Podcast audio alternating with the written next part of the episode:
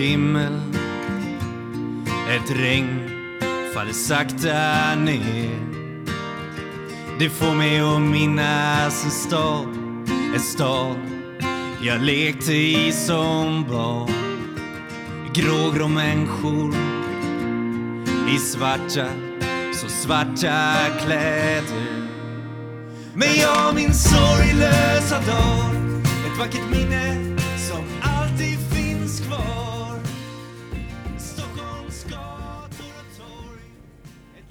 Ja, hej alla fantastiska lyssnare. Välkomna till Beroendepodden avsnitt 71.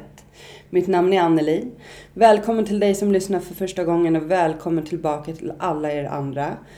För dig som lyssnar för första gången, du kanske undrar vad det här är för en podcast. Och det är en podcast om alla olika sorters beroende, missbruk, medberoende och psykisk ohälsa. Och i dagens avsnitt så kommer vi prata om sockerberoende. Eh, jag som driver podden är själv en beroende människa och min huvuddrog är alkohol. Och jag har varit nykter i tio år nu och man kan lyssna på, om man vill veta mer om mig så lyssnar man på första avsnittet. Där drar jag den korta snygga versionen av mitt liv. Och eh, lyssnar man på podden och känner att man själv behöver hjälp så finns det på hemsidan beroendepodden.com en eh, sida som heter Hjälp att få. Där finns det länkar till olika ställen man kan vända sig om man behöver stöd och hjälp. Det går även bra att mejla mig och eh, jag vill också säga tack för alla mejl jag får. Jag svarar så fort jag kan på alla mejlen. Jag vill också tacka till alla er som sprider podden på sociala medier, Instagram och Facebook. Fortsätt med det. Beroendepodden finns ju som sagt både på Instagram och på Facebook. Så fortsätt sprida podden så fler hittar hit. Och eh, musiken du hör i podden är Erik Bring eh, som står för den och eh, han finns på Spotify. Så gillar man musiken så kan man eh, lyssna på flera av hans låtar där. Och nu ska inte jag prata så mycket mer utan släppa in dagens fantastiska gäst och önska alla er andra en fortsatt bra vecka.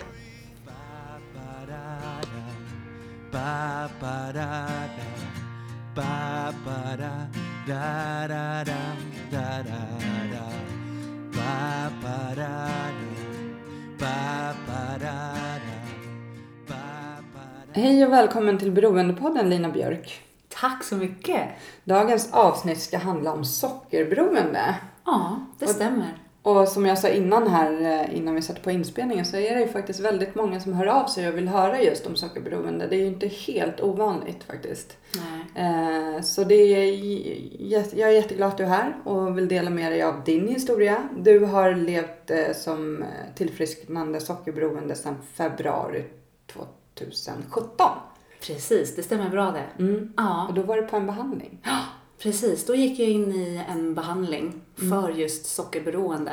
Mm. Mm. Och ut efter den så kunde jag tillfriskna och kan leva som tillfrisknad idag och ha verktyg och kunskap Mm. som än håller idag. Så får vi se hur det går. Mm. Mm. Men ska vi börja med att eh, du får berätta lite om dig, vart du kommer ifrån, eh, hur, hur det var som barn. Mm, absolut. Jag växte upp i Stockholm, Sollentuna, Mm. tillsammans med mamma och syster och så har jag en bror också och pappa. Ehm, Men allting började faktiskt när jag var liten där. Jag fick nästan välja vad jag ville äta, mycket. Och eh, jag valde nog väldigt mycket kolhydrater, bröd, pasta, alltså godis och mycket sånt. Så att jag blev faktiskt överviktig redan när jag var liten. Ehm, och sen fortsatte det. Jag har varit under hela lågstadiet, mellanstadiet, högstadiet.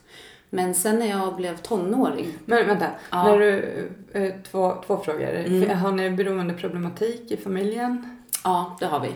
I släkten så har vi människor som lever med beroendesjukdomen. Absolut. Och har det varit socker då eller har det varit... Det har varit olika från person till person. Ja. Eh, men när du var barn och valde från början just pasta och bröd och socker och sådär. Mm. Kan du känna att du hade någon eh, mer sug liksom då efter just det eller vad man ska säga? Ja, absolut. Eh, framförallt så började jag äta på negativa känslor. Och det kan jag se idag. Att hur det faktiskt började. Att okej, det var ju där det började. För om jag var ledsen så åt jag. Och då hände någonting med mig. Jag blev lugn och de här negativa känslorna försvann. Eh, och även om jag var uttråkad, rastlös, så kunde jag välja att äta. Och sen också just att jag ökade mitt intag. När folk, eller barn runt omkring mig kanske var nöjda, så åt jag alltid mer. Två portioner om det var god mat eller mycket mer godis och sådär.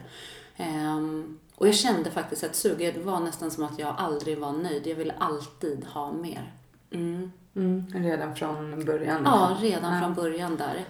Eh, Men det har tagit jättemånga år för mig att inse och kanske erkänna det. Men framförallt att kunna se det nu som vuxen att okej, det är ett beteende. Det är en beroendebeteende som började redan där. Mm. Mm. Men eh, hur eh, höll du på liksom gömde eller smussla eller du sa att du fick liksom äta hur du ville hemma eller? Ja, där behövde jag inte smussla, inte hemma. Eh, däremot så känner jag väl mer att jag smusslade för vänner och så. Att jag åt mycket när jag var själv. Eh, hemma eller om vi säger på väg hem från skolan kunde jag handla och så. Jag blev överviktig redan som litet barn. Eh, och jag vet att skolsköterskan, det kommer jag ihåg, hon pratade med mig, då gick jag på lågstadiet och hon var orolig för mig. Hon sa det rakt ut, att så här mycket som du väger är inte bra för att vara i den åldern som du är. Men det gjordes inga förändringar. Det var inte så att jag fick stöd från lärarna i skolan och det gjordes ju heller inga förändringar hemma i kosten eller så. Sen kan jag tänka mig när jag gick- började i mellanstadiet så började jag ju spela fotboll. Och där tänkte jag redan att, ja men gud, jag kommer ju gå ner i vikt av det här. Men jag åt ju samma kost. Alltså jag hade ju med mig kex, choklad, Snickers, bullar ehm, som mellanmål och sådär. Medan andra barn kanske hade någon frukt eller så. Så att det spelade ingen roll att jag spelade fotboll några gånger i veckan utan jag hade behövt kombinerat en bra kost med att börja träna. För det fortsatte att jag var tjock då, eh, mellanstadiet. Och just med fotbollen kommer jag ihåg att jag tyckte det var jätte, jättejobbigt. Jag hade alltid störst storlek. Eh, jag jämförde mig. Där började nästan en utseendefixering. Redan där. Att jag började jämföra mig med dem i mitt lag, men även de som vi mötte. Och sen jättejobbigt om vi åkte på läger och skulle duscha och sånt där. Och skoljumpan. Så att jag, mellanstadiet så slutade jag att gå på jumpa. Sa att jag var sjuk eller att jag inte ville vara med. Och samma sak, jag slutade med fotbollen efter några år. Mm. Hur såg det ut i högstadiet för dig? Högstadiet gjorde jag ingenting. Jag var inte med på gymnastiken. Eh, och jag gick inte heller på någon eh, aktivitet sådär. Mm. Jag kände nog att jag eh, inte vågade. För att alla andra var smala och jag var tjock. Så det hindrade mig fast jag hade behövt det. Mm. Men du eh, säger att du åt mycket på negativa känslor och så. Eh, Hade du ångest? Och, för många pratar ju om att de också upplever den här inre själsliga hålrummet. Är det något som Mm. du kände? Ja, jag tror att jag tröstade mig med det framförallt. Men det var när jag blev, kom upp i tonåren. Då började jag få den här kraftiga ångesten och nedstämdhet och depression. Ehm, när dels så blev det, alltså det blir ju bara en ond cirkel för att först så mår du dåligt över att du är så stor. Och sen så äter du och då får jag ångest över att jag äter det. Och då känner man att nu är det ju strunt samma, nu har jag redan förstört det. Eller jag är, fort, jag är redan så stor så det spelar ingen roll, jag kommer aldrig bli smal. Och då fortsatte man att äta på de känslorna. Så att där började, jag började få ångest och, och nedstämdhet när jag kom upp i tonåren. Och, mm. och det var även där som jag började jakten på att bli smal alltså. Så jag började med massa sådana här quick fix. Ehm, Vad testade du då? dels så slutade jag äta, började med pulver, eh, dieter. Ehm, mycket dieter. Alltså jag har nog köpt ganska många såna här uh, bli smal på några veckor, drick det här. Um, men sen så började jag även med bantningspiller. Och det här gick ju i omelott hela tiden. Att jag kanske gick in på en strikt diet och svalt ner mig. Så gick jag ner några kilo. Så tycker man att wow, nu har jag gått ner 10 kilo. Men så kommer man till en situation, det är någon som fyller år eller någonting. Och så finns det här fikat eller godiset. Och då känner jag att, ja men nu vill jag unna mig. Och det blir också så att folk runt omkring pushar det lite och säger att, men nu har ju du gått ner så mycket i vikt och visst ska du kunna äta. Och så unnar man sig. Eller jag, jag unnade mig. Men det som hände där är ju att jag blev aldrig nöjd. Utan dels när jag var på det här kalaset eller det, då är det nästan så att man får tygla sig för att inte äta för mycket. Men när jag går därifrån, det är då jag går och köper och äter liksom ännu mer hemma. Och då kunde jag fastna i det. I veckor, månader.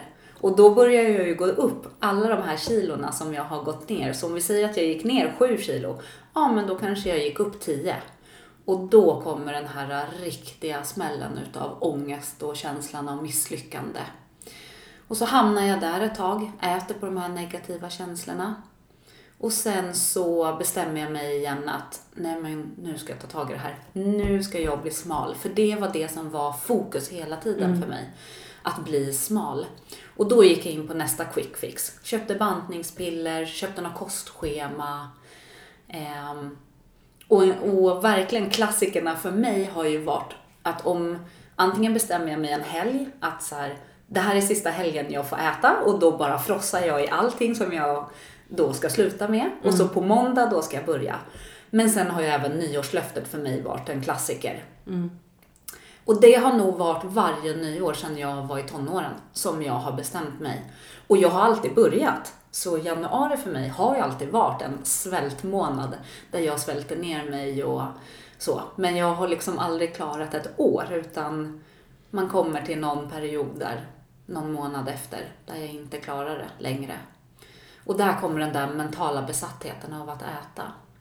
Mm.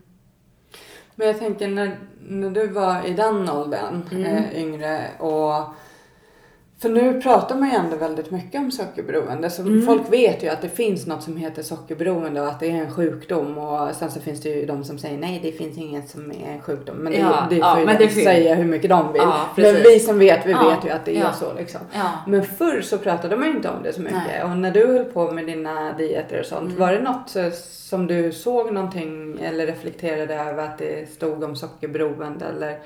Nej. Nej. Och det är där jag kan nog känna att beroendesjukdomen, man pratade om att man kan bli alkoholist eller att man blir narkoman och tablettmissbrukare. Eh, men man pratade aldrig om det här. Så att jag kände mig så ensam i det här. För att jag trodde hela tiden att det handlade om karaktär. Och det är därför det har varit sådana jojobantningar för mig. För att först så tänker jag att det här ska jag ju klara av. Jag är ju inte sjuk utan det handlar ju bara om att jag måste bestämma mig. Och sen då när jag har kommit till det där att jag har fallit igen och börjat äta i en mental besatthet så har jag inte kunnat prata med någon om det och det är ingen som har uppmärksammat mig heller utan det kom ju i vuxen ålder när jag hörde talas om sockerberoende. Och då kunde jag börja jämföra för under den här perioden då hade jag blivit vuxen. Jag hade jojobantat i flera, flera år och så jobbade jag på en eh, öppenvårdsbehandling som behandlare eh, med unga vuxna som då levde med då alkohol, droger eller kriminalitet. Och då började jag se alltså, likheter i våra beteenden. De med sina droger och jag med mina. Och i samband så hörde jag talas om Bitten Jonsson och läste Sockerbomben. Och det var då det föll på plats för mig. Att jag kände, okej, det här är ju den här. Det här är ju beroendesjukdomen fast jag lever med det som sockerberoende. Och det var jätteskönt tycker jag att det började uppmärksammas. Att jag började få en känsla av att jag vet i alla fall vad det här handlar om. Det var inte fel på mig. Det handlade inte om karaktär. Eh, och så många år av kamp alltså. Mm. Ja, den boken kan jag ju varmt rekommendera till alla som tror att de kanske har sockerberoende. Ja. Att läsa Sockerbomben. Ja. Den är väldigt bra. Jag Ja. har läst den några gånger. Mm. Nu ha- har jag faktiskt inte haft det som min huvuddrog som tur är. Men, Nej. och varför jag säger som tur är, det är ju min huvuddrog är alkohol. Mm. Och det är ju så skönt för jag kan ju sluta med min huvuddrog och sen kan Mm. jag ju liksom jobba med mig själv. För Mm. att eh, alkohol är ju ingenting man måste ha. Nej. Men för en människa som är sockerberoende så är det ju kanske lite svårare eftersom mat måste du äta och när Mm. vet vi att vi äter sånt som triggar igång oss eller inte triggar igång oss. Alltså Mm. just att eh, tillfriskna från att sockerberoende ja, kan vara väldigt knepigt eftersom varje gång du går iväg och det bjuds på kakor och bullar. Jag kan ju undvika, jag behöver inte gå på krogen eller Nej. gå in på Systembolaget. Nej. Liksom hela den här så som samhället är uppbyggt liksom med, kring, kring maten. Nu är det ju Ja. väldigt mycket uppbyggt kring alkoholen också. Det är det Ja. ju. Det ska, det ska ju drickas hit och dit. Men, men eh, ja, det var en liten avstickare där från Men vet du, jag känner igen Mm. mig jättemycket med det. Just för att Alltså socker och gluten då, eller sådana produkter som jag har triggat på. Mm. Det finns runt omkring mig ganska ofta. Mm. Och det är ju också i de situationerna där det har bjudits, där jag har fallit. Mm. Det är nästan aldrig så, nu säger jag att jag tar återfall för att jag har sett det så. Om jag har varit nykter i maten i Mm. månader så är det aldrig att jag får ett återfall för att jag själv går och handlar utan det är när jag är bortbjuden. Eh, när jag får det här cravings. Det blir för mycket grejer som händer där. Dels så ser jag det. Eh, man nästan börjar känna att folk tycker men du ska unna dig. Och man, röda hund som vi pratar om, vi som är beroende vet röda hund och blåa hund. Röda hund tar sitt tillfälle i akt att lyssna på det där. Du ska också kunna unna dig. Eh, och man börjar nästan få en känsla att ah, men så farligt är det inte. Jag tar en Mm. och sen pang så är man där. Mm. Ehm, för när jag åker därifrån är jag inte nöjd utan då vill jag ha mer. Och så börjar man också få den här känslan över att nu har jag redan gjort bort mig och nu är det för sent. Och det kanske är en lördag och då känner jag alltid att ja, men jag äter lördag, söndag och på måndag ska jag börja. Så att för mig när jag gick i behandlingen i sockerskolan och fick verktyg till hur jag ska kunna hantera min vardag, för det är det det handlar om. Ehm, jag kan känna när man bara åker som nu, om man åker tunnelbana eller går någonstans, Pressbyrån, luktar kanelbullar. Du vet den doften kan jag ju fortfarande trigga på och känna så här, gud vad gott. Men jag vet att jag inte ska gå in där eller köpa det. Men ehm, ja, det finns frestelser överallt och kanske lättare, som du säger, än just alkohol på det sättet. Mycket på jobb, via fika. Alltså det är så uppbyggt faktiskt. Vi ska fira. Allting ska firas med antingen alkohol eller, Eller äta. fika. Eller Mm. äta. Mm. Och där har jag faktiskt fått hitta hur jag ska ställa om min hjärna till att välmående är inte kopplat längre med att jag ska äta saker. Utan om jag ska fira någonting så kan det vara att jag får träffa människan. Alltså jag ska ha välmående att få stunden tillsammans med den här personen eller upplevelsen och lite sådär. Så att eh, mm, jag har fått omprogrammera hjärnan där. För att den har varit väldigt programmerad på att ja men nu unnar jag mig, eller nu firar vi med det här. Mina födelsedagar, det har varit jättestort fokus på vad jag ska bjuda på och då har jag gärna velat att det ska finnas mycket av allt. Mm. Men hur såg det ut innan du eh, nådde din botten då? Ja, precis innan nu. Min botten har jag ju varit i ganska många gånger. Ehm, det är faktiskt sista åren där jag har fallit jättedjupt eh, och verkligen känt att så här, det är bara en kamp. Men det var faktiskt förra året där jag var där runt jul och nyår. Eh, jag kände verkligen att är det så här livet ska vara så vill jag faktiskt inte leva det. jag orkar inte med den här kampen. Men då hade jag ju vetat om mitt sockerberoende, alltså att jag levde med beroendesjukdomen i några år. Men försökt på egen hand. För jag visste att det fanns behandlingar, så det var jag medveten om. Men jag trodde att jag skulle klara det på egen hand. Så jag fortsatte med de här jojo-bantningarna. Och så faller jag tillbaka. Och varje gång jag faller tillbaka så, så blev eh, det ännu kraftfullare av känslan av misslyckande. Och att jag kände att jag kommer liksom inte klara det här. Så att då var det så att då pratade jag med min närmaste familj och sa det att jag, jag vill liksom inte det här längre. Är det så här det ska vara att leva så då vill jag inte det. Och då frågade de, men vad finns det då? Vad, vad kan vi göra? Och jag sa det, jag, jag känner att jag vill gå in i behandling för det här nu. Så då letade vi upp och kontaktade faktiskt Bitten Jonsson, gjorde min mamma. Kontaktade henne och fick då tips om den här behandlingen som jag gick in i. Mm. Ja, Bitten är en fantastisk kvinna. Jag har träffat henne och jag följer henne och Ja, hon vet vad hon pysslar med. ja, Så. ja, verkligen. Men du kommer ju i kontakt med träningen där ändå, några år innan. Ja, det gjorde jag. Jag eh, träffade en tjej som blev en jättegod vän till mig. Hon jobbade då inom träningsbranschen och hon jobbar som PT, instruktör och kostrådgivare. Så började det med att hon frågade om jag kunde följa med henne på en klass. Eh, och jag hade ju, alltså sen när jag spelade fotboll hade jag ju tyckt att jag var för tjock och inte vågat ta mig till gymmet. Men eh, jag följde med henne och hon körde en spinningklass. Och det var, alltså wow säger jag bara. Dels så spelade hon min sorts musik, så att det bara var liksom, det var som ett party där för mig. Mm. Och sen den energin och um, boosten jag fick där. Så att då tyckte jag att det var superkul. Så då började faktiskt det med att jag följde med henne några gånger. Eh, sen så ringde de från ett gym och frågade om jag ville börja jobba som instruktör på det här stället. Och det skulle börja om tre månader så att eh, jag skulle få en utbildning och ta certifikat. Och jag tackade ja till det. Och under den här tiden så jobbade jag på förskola. Så att då sa jag upp mig därifrån. Och sen kände jag att, men alltså om jag ska jobba på ett gym och vara danslärare, då kan inte jag se ut så här. Och här var jag nog eh, störst. Så då frågade jag min vän om hon ville hjälpa mig. Och jag sa att jag har ju hållit på och jojobantat och dieter och bantningspiller och allt vad det är. Men jag vill faktiskt få en livsstil, alltså på riktigt nu. Och det hjälpte hon mig med. Så att jag tränade med henne och hon gav mig kostråd kring vad jag kunde äta. Så för första gången så åt jag mat och tränade. Eh, och då gick jag ner i vikt. Och så började jag jobba på gymmet. Och sen så blev det så att jag fick eh, börja jobba i receptionen där på ett ställe. Så att det dröjde inte länge förrän jag jobbade heltid.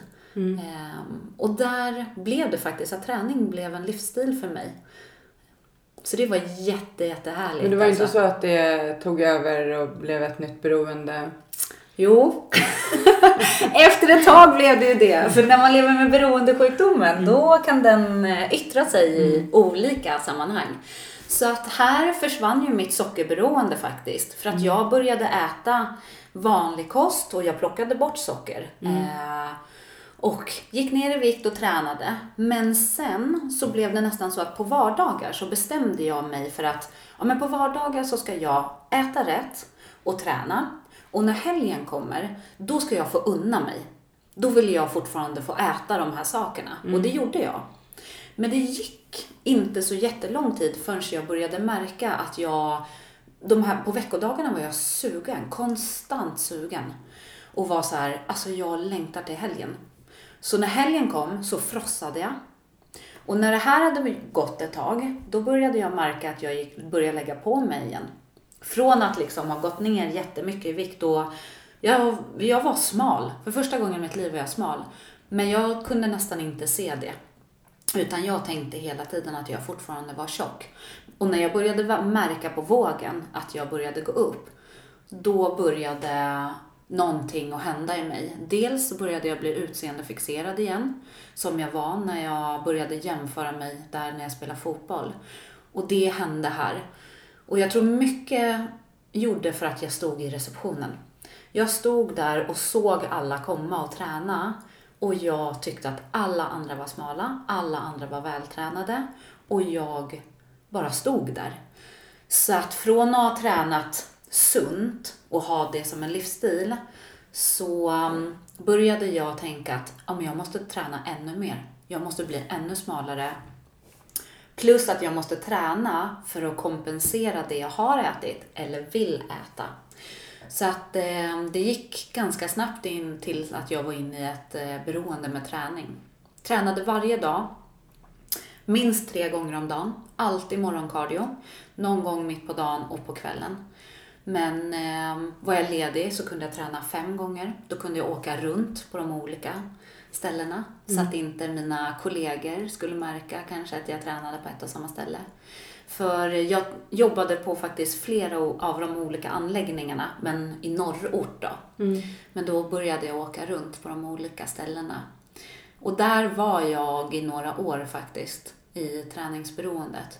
Och jag märkte ju själv att jag började slitas mellan att leva hälsosamt och ha den här mentala besattheten av att äta. För att här började jag också prata med några om det och sa att jag vill inte äta det här men jag gör det och sen får jag ångest efteråt och jag tränar för att få bort det.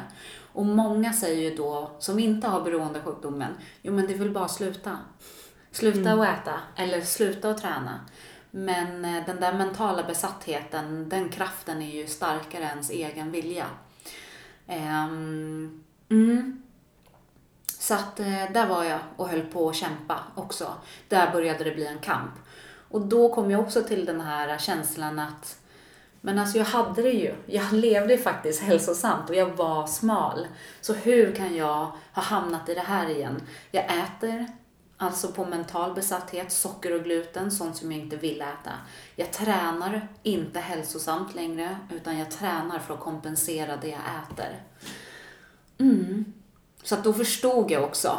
Men man behöver mycket hjälp för att ta sig ur. Det är inte bara att sluta när man lever i det.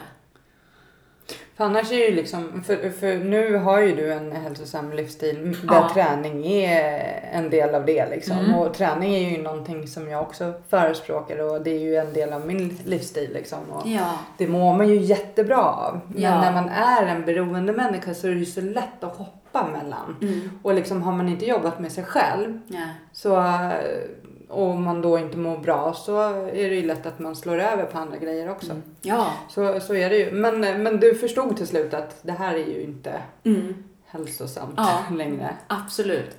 Eh, jag förstod. Var det någon annan som såg att du höll på till slut eller? Alltså jag vet att några runt omkring mig faktiskt påpekat att de tyckte att jag tränade ganska mycket. Ehm, och så. Men sen kan man väl gå igång på den här kanske kan jag tänka mig. Om man alltid har varit li- lite småöverviktig så går man ner och så får man bekräftelse från Ja. omgivningen. Det kan man också då kanske kicka igång på. Att det blir en... Absolut, absolut. Att folk började säga, gud vad du har gått ner i vikt. Ehm, fast den har ju jag gjort så många gånger eftersom jag har pendlat och jojobantat så det får jag ju höra. Men där och då, då var det bekräftelse. Och det var ju nästan det som fick mig också att fortsätta. Att jag måste fortsätta gå ner i vikt så att det inte börjar vända till att de slutar säga det här för då vet jag att jag är på väg upp igen. Ehm, mm.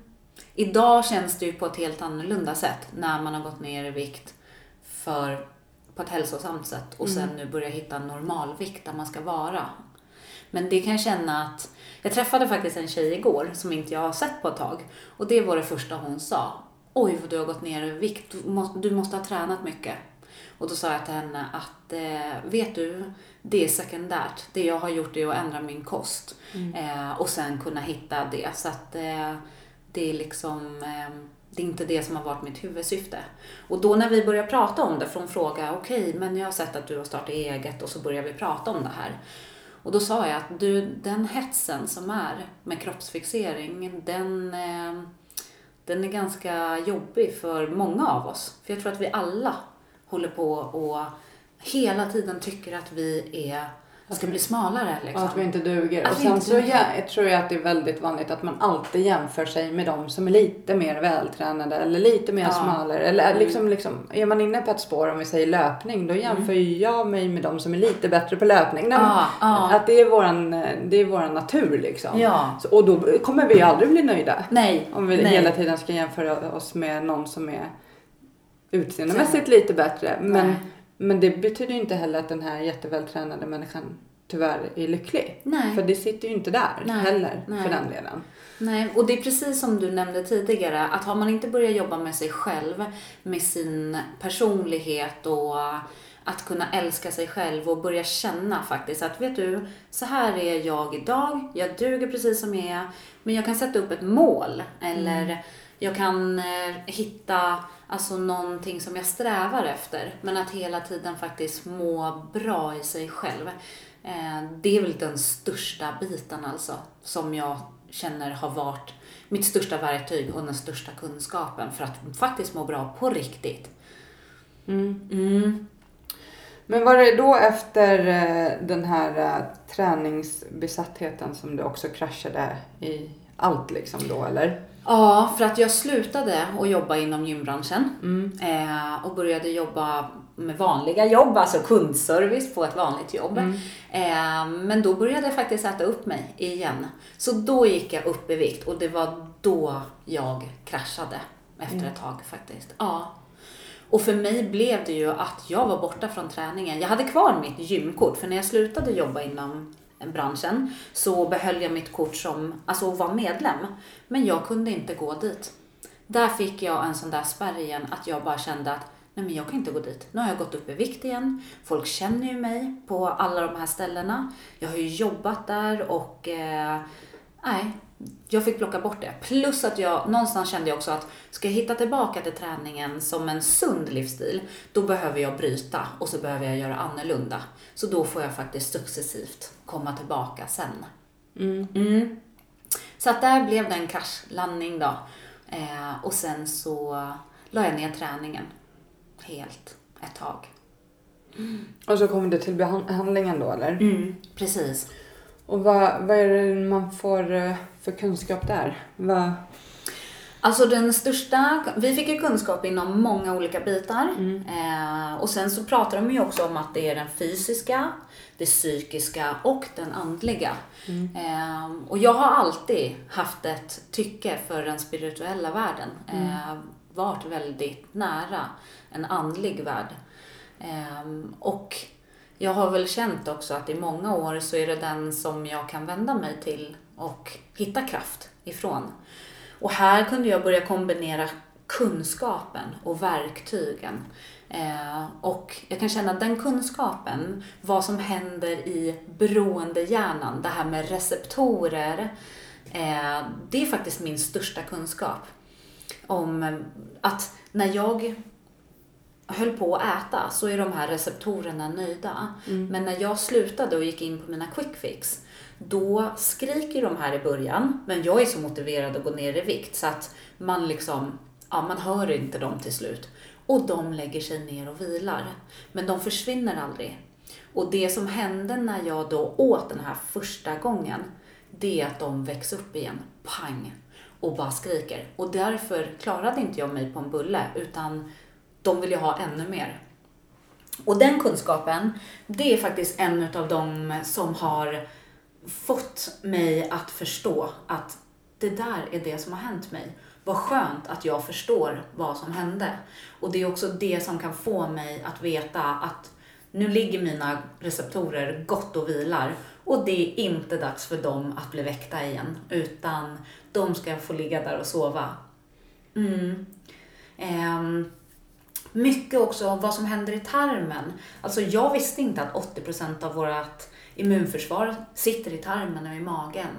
Ehm, och då kan jag också titta på hur mycket inflammationer hade jag i kroppen. Just med allergier. Alltså då jag var konstant sjuk när jag var liten. Jämt. Men när man går till vårdcentral då har ju de tittat på de symptomen alltså. Och så har man fått medicin för de grejerna. Så att jag idag hoppas ju på att vårdcentral, läkare ska börja titta på sambandet mellan kost och att vi är sjuka. För att idag när jag plockar bort det, bara av, för att jag själv vill det, så har jag också börjat märka vilken förändring det har gjort i min kropp. Att jag är mycket friskare. Men jag tycker att det är jättehärligt för att det börjar bli fler som pratar om det.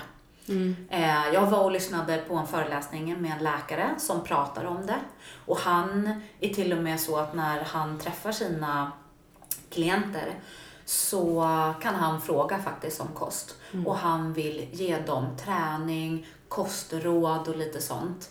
Ehm, och jag tror att det är fler och fler nu som börjar prata om det och vi börjar se sambanden mellan det. Och det vill jag ju också komma ut med och föreläsa om och det tar jag upp i min föreläsning. Vad, vad händer när vi äter socker och gluten i våra kroppar liksom? Mm. Vad händer med tarmarna när vi äter gluten? Alltså vi får ju inflammationer. Mm. Vi har ju tarmludd som till slut alltså förstörs då. Eh, och inflammationer, om vi säger just med candida. Candida är ju en svamp som vi alla har och den ska vi ha i små, små mängder. Men det som händer är att när vi äter socker och gluten, då göder vi den. Och då blir den som en svamp, den sväller och börjar skapa då inflammationer. Och våra inflammationer kan ta sig uttryck på olika saker. Eh, allergier är en sån sak. Jag hade ju både mat och allergier för liksom djur och pollen och sånt där. Och jag utvecklade också en ganska ovanlig köldsjukdom. Och sen förra vintern när jag började plocka bort så blev den mycket bättre och jag tänker ju att den kommer börja försvinna nu. Men eh, det kan ju också vara så att alltså socker och gluten börjar göra så att vi får inflammationer och till slut så tar den sönder tarmen. Och där tror jag skillnaden är att när du går till en vårdcentral nu och kanske har inflammation, du har en alltså tyst glutenkänslighet och då kan inte läkaren säga att ja, men du har det här på grund av det. Men däremot när, du, när en, tarmen går sönder och du får IBS eller celiaki, ja men då har ju tarmen gått sönder och då börjar de ju titta också på gluten. Alltså då börjar man plocka bort det. Men jag tror att var och en kan börja titta på sin egen kost och alltså känner man att man är mycket sjuk, ja men börja med att plocka bort socker och gluten och titta och känna efter. Du kommer ju inte bli sjukare när du plockar bort det. Det enda som kan hända är ju faktiskt att du börjar må bättre och bli friskare. Sen har man även sett kopplingar med kosten och depression och sådana bitar. Jättemycket. Att- Jättemycket. Mm. Ja, att det är till nedstämdhet, ångest, depression. Det känner jag också. Jag har varit hos vårdcentralen för det här och det de ville ge mig är ju antidepressivt. Vilket jag inte ville. Och jag benämnde där. Jag sa till dem, fast vet ni, jag mår dåligt för, för att jag äter. Alltså för att jag blir överviktig och för att jag inte får bukt med det här. Men det hon kunde erbjuda mig var antidepressivt. Eh, och samtal då. Men eh, där känner jag också att jag hoppas på att det blir en förändring. Att vi kanske får mer hjälp då med kost och lite sånt. Jag vet när de som går läkarlinjen, de har väl typ nästan ingenting kring kosten än så Nej, länge. Jag nej. hoppas ju också att, eh, att de eh, får mer av det i utbildningen faktiskt. För det är Ja. ju jätteviktigt. Vi som, både du och jag har ju kunskapen, jag är utbildad Ja. inom det. Nu Mm. jobbar jag inte med det men jag vet ju. Eh, men, men jag tänker tillbaka till eh, behandlingen. Du, Mm. då, då fick du lära dig om sjukdomen, hur den Mm. funkar, den mentala besattheten, fysiska allergin, vad som händer när du tar din drog. Vad var, det var pasta och bröd eller Mm. hade du något speciellt som du liksom... Alltså pasta och bröd, det är mina Mm. huvuddroger om Mm. man ska säga. Mm. Och sen eh, alltså godis. Mm. Lösgodis. Mm. Verkligen. För sen finns det ju andra saker som jag inte tycker är så himla gott men bara äter. Men bröd och pasta eh, och godis. Mm. Mm. Och vad har du fått för verktyg med dig då, förutom den kunskapen? Men kunskapen betyder ju inte alltid att man lyckas sluta. Nej, Så, nej. Det är ju liksom, utan man måste ju göra handlingar för att klara av det också. Precis. Dels så har jag morgonrutin som jag har skapat för mig själv. Där, eh, där jag ber till min högre kraft. Faktiskt att ta en större del i mitt liv. Och, eh, och att ta mig igenom dagen. Och eh, jag kan verkligen titta mig själv i ögonen i spegeln idag och känna att jag är värd att må bra. Och då så säger man också bara för idag. Att man börjar ändra det här. För att om jag skulle börja tänka på att jag aldrig mer får, då kan jag lätt hamna i offerkoftan. Eh, eller att jag känner att nej men det vill inte jag. För än idag kan jag kanske känna att men det vill inte jag. Att jag aldrig mer. Men om jag tänker att bara för idag. Eh, och att jag också tänker att jag får äta vad jag vill, men jag väljer idag att inte göra det. Då tar jag mig igenom dagen och sen till nästa och till nästa. Och sen även skriva risksituationer. Alltså bli medveten, för det var en av våra uppgifter. Och det har också hjälpt mig jättemycket. Att jag fick skriva en risksituation. Eh, I början var det så pass enkelt som att, men jag ska gå på restaurang. Hur kan det bli så att jag hamnar i, i att jag tar ett återfall? Jo, det är om jag går på känslan där, att jag känner efter vad jag är sugen på. Men om jag planerar inför det och vet kanske, man kan alltid kolla menyer, man kan alltid ringa till restaurangen. Och sen även planera inför de här oförutsedda händelserna.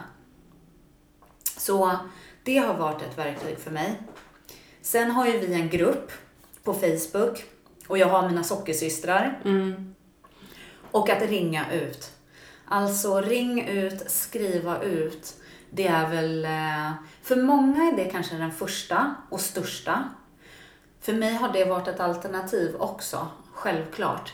Ehm, men det, är, det kan vara svårt när du är mitt i en situation sådär. Men den finns där och jag boostar mig. Jag är inne på vår sida varje dag och läser och känner en gemenskap att vi är många som går igenom det här och vi kan faktiskt boosta varandra, vi peppar varandra. Mm. Och den gemenskapen kan jag ju tänka mig och känna igen från andra. Alltså alla vi som lever med beroendesjukdomen som går in i en gemenskap som får hjälpa varandra. För att Ja, vi klarar inte själva. Nej. Vi behöver andra. Ja, vi behöver Så ju. andra. Så det är den största, känner jag. För att så många år som jag försökte själv då och inte klarade det. Men nu när jag faktiskt fick en gemenskap så har jag klarat det. Men hur ser en, en, eh, liksom du tar en dag i taget. Eh, har du med matlådor? Behöver du liksom planera på det sättet? Ja, matplanering har också varit den som eh, är den största faktorn då till att jag klarar det. Dels när vi gick in i behandlingen, då fick vi skriva varje kväll och skicka in. Så då skulle vi planera frukost, lunch, middag och så fick vi skicka in det. Så då dels så har du ju skrivit vad du ska ha, så dagen efter så behöver du inte tänka, utan den är redan planerad och klar. Plus att du fick massa inspiration från dina vänner där. Att aha, den kan göra den och då fick man lite inspiration på recept och sådär. Men matplaneringen är A och O för mig. Eh, planerar alltid. Plus att jag lagar all mat från grunden. Eh, och sen i det jobbet som jag har så åker jag runt en del. Och då blir det också väldigt lätt att ha med sig egen matlåda. Sen är jag så van vid det från gymmet, för där har man alltid haft egen matlåda med sig. Så att, ja. Men nu har ju du startat upp eh, ditt, ditt eget företag, Liv, Living Balance. Ja, precis. Eh, där du föreläser Mm. om det här, sockerberoende och eh, du eh, även har träningsgrupper va? Ja, alltså jag jobbar som instruktör på, ett, eh, på ett gym. Mm. Med träning och kost. För det är just det, det jag kände nu, eh, det var det här, vad är det jag behöver? Ja, levnadsbalans. Jag behöver ha en balans mellan kost, träning och välmåendet. Alltså vart hittar jag de där bitarna? Och jag tror att det är det som är, funkar för oss alla. Och då kände jag att men det här vill jag jobba med. Och då startar jag eget så att jag kan få göra det. Mm. Ja, men hur, ja, hur har du fått balans? Eller liksom, vad använder du dig av för, för att få balansen? Att ha kombinationen av träning. Att den ska vara hälsosam och sund. Eh, också kosten. Och sen hitta välmående, att hitta saker nu som jag kan unna mig som inte är längre kopplade till mat utan jag framförallt tycker om att ta massage eller gå på spa eller se en resa. Eh, läsa bok och få ny kunskap. Alltså det. Och sen jobb då. För det är ju det som vi, jag tror alla känner att så här, okej, vi måste jobba eh, för att få in pengar. Och ja, vi kanske måste träna för att vi ska må bra. Eh, och sen måste vi äta för att överleva. Och då hitta just balansen mellan alla de här. Det, det har jag behövt jobba på. Och idag känner jag att idag har jag den. Riktigt, riktigt bra. Sen kan mina veckor se olika ut utifrån om jag ska föreläsa eller hur mycket klasser jag har och lite så. Men det är också det som jag gillar. Att den är lite ojämn från vecka till vecka. Det blir inte monument att exakt så här är det hela tiden. Och då känner jag hela tiden en livsglädje. Mm. När du kommer iväg på så bjudningar och sånt, när det är kalas och sånt. Eh, hur löser du det? Liksom, har du med dig eget eller är du modig nog och säger jag är sockerberoende eller vad? Ja, jag säger det. Eh, när jag började att gå in i behandlingen, då jobbade jag ju på ett ställe. Eh, och då var det fika eller det var någon som fyllde år eller någonting. Och då kände jag också så här, ska jag börja med mig eget och bara säga att jag inte äter? Så tänkte jag att nej, vet du, det är dags för mig att plocka av min skam och skuld. Nu har jag gått igenom det här och nu ska jag göra en förändring. Och då kan jag lika gärna bara säga som det är. För då behöver jag säkert inte höra något tjat eller, ja men det är klart. Så att jag var rakt på sak direkt och sa att jag kan inte äta det, jag lever med sockerberoende. Eh, så att jag, kan, jag vill inte äta det. Och då blev det att många kände att men jag tror också jag är sockerberoende. Det känner jag att jag får höra ganska ofta. Ja, men jag är också sockerberoende. Eh, eller att folk frågar, vad är det? Och sen så kan man få berätta om det och lite så. Och sen ibland, om jag ska någonstans, då kan jag ta med mig eget. Om jag själv känner så här, ja men jag vill också ha någonting. Men ofta så tänker jag att nej, jag går dit för själva händelsen, eventet eller träffa den här personen. Och då behöver jag faktiskt inte äta någonting. Utan äter jag min frukost, lunch och min middag så räcker det liksom. Mm. Så vad skulle du vilja säga till lyssnarna som, om det är någon som lyssnar som har problem sockerberoende?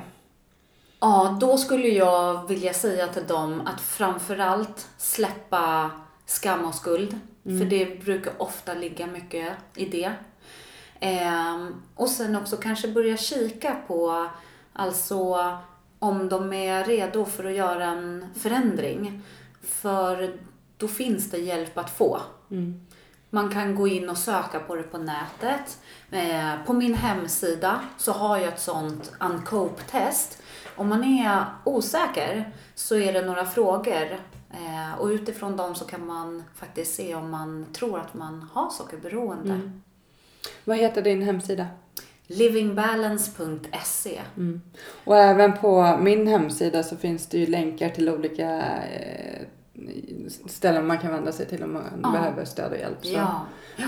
Och på min hemsida finns en sån eh, kontakt att man kan skriva till mig.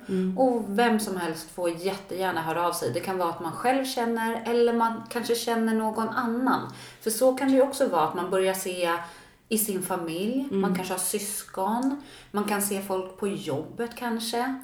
Ehm, Ja, men vad bra att du tog upp det. Vad, vad, vad gör man som anhörig? Skulle du vilja... Alltså om...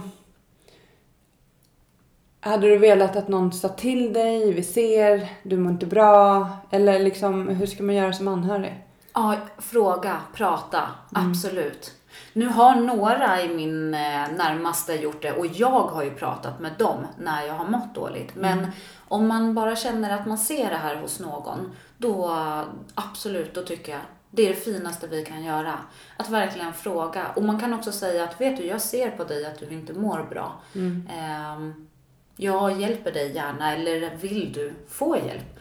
Men sen är det ju också så, det är ju upp till var och en. Lever man i förnekelse eller känner att nej, jag har inga problem.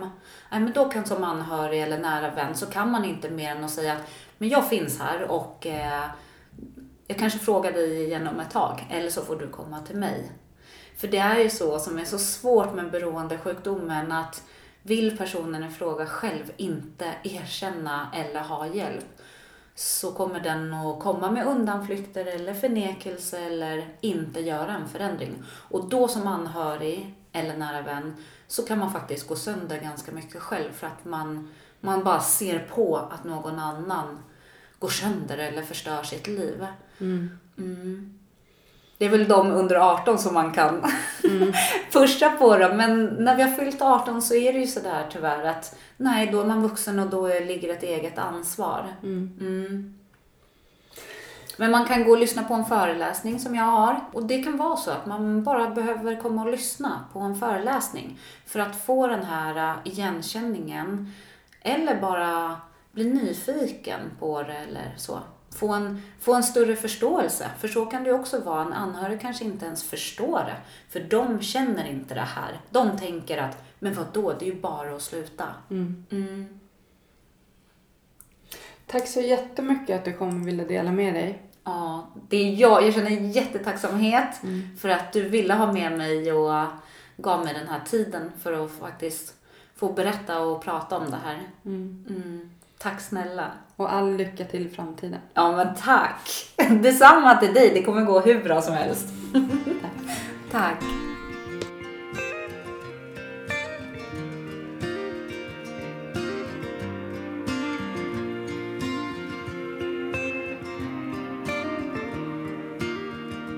Mörk himmel Ett regn faller sakta ner det får mig att minnas en stad En stad jag lekte i som barn.